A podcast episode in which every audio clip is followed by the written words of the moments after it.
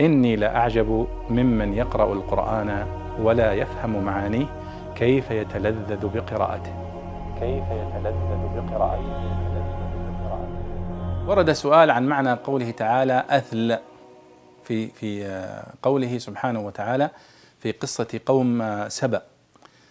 لما ذكر الله سبحانه وتعالى النعم التي كانوا فيها والخير الذي كانوا فيه ثم لما كفروا به كيف صنع بهم؟ فقال فأعرضوا فأرسلنا عليهم سيل العرم يعني السيل الذي الشديد القوي. وبدلناهم بجنتيهم جنتين ذواتي أكل خمط أي مر وأثل وشيء من سدر قليل. ذلك جزيناهم بما كفروا. فإذا الأكل الخمط هو المر الذي لا يستساق. وأثل الأثل هو شجر نوع من الشجر تسمى شجرة الأثل. ويسميها بعضهم شجرة الطرفاء وهي شجرة لا ثمر لها ما في فائدة منها من حيث الأكل.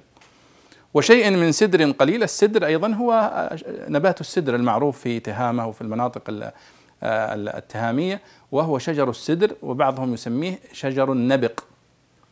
فإذا هذا هو معنى الأثل. الأثل هو نوع من أنواع الشجر يقال له الطرفاء أو يقال له الأثل وتختلف أسماء الأشجار. يعني لو رجعتم إلى كتب النبات وإلى كتب الجغرافيا وما التي تعتني بجغرافية المناطق وكذا تجدون أسماء مختلفة للنباتات. ربما تسمى في تهامة باسم تسمى في مكة باسم تسمى في نجد باسم تسمى في غيرها.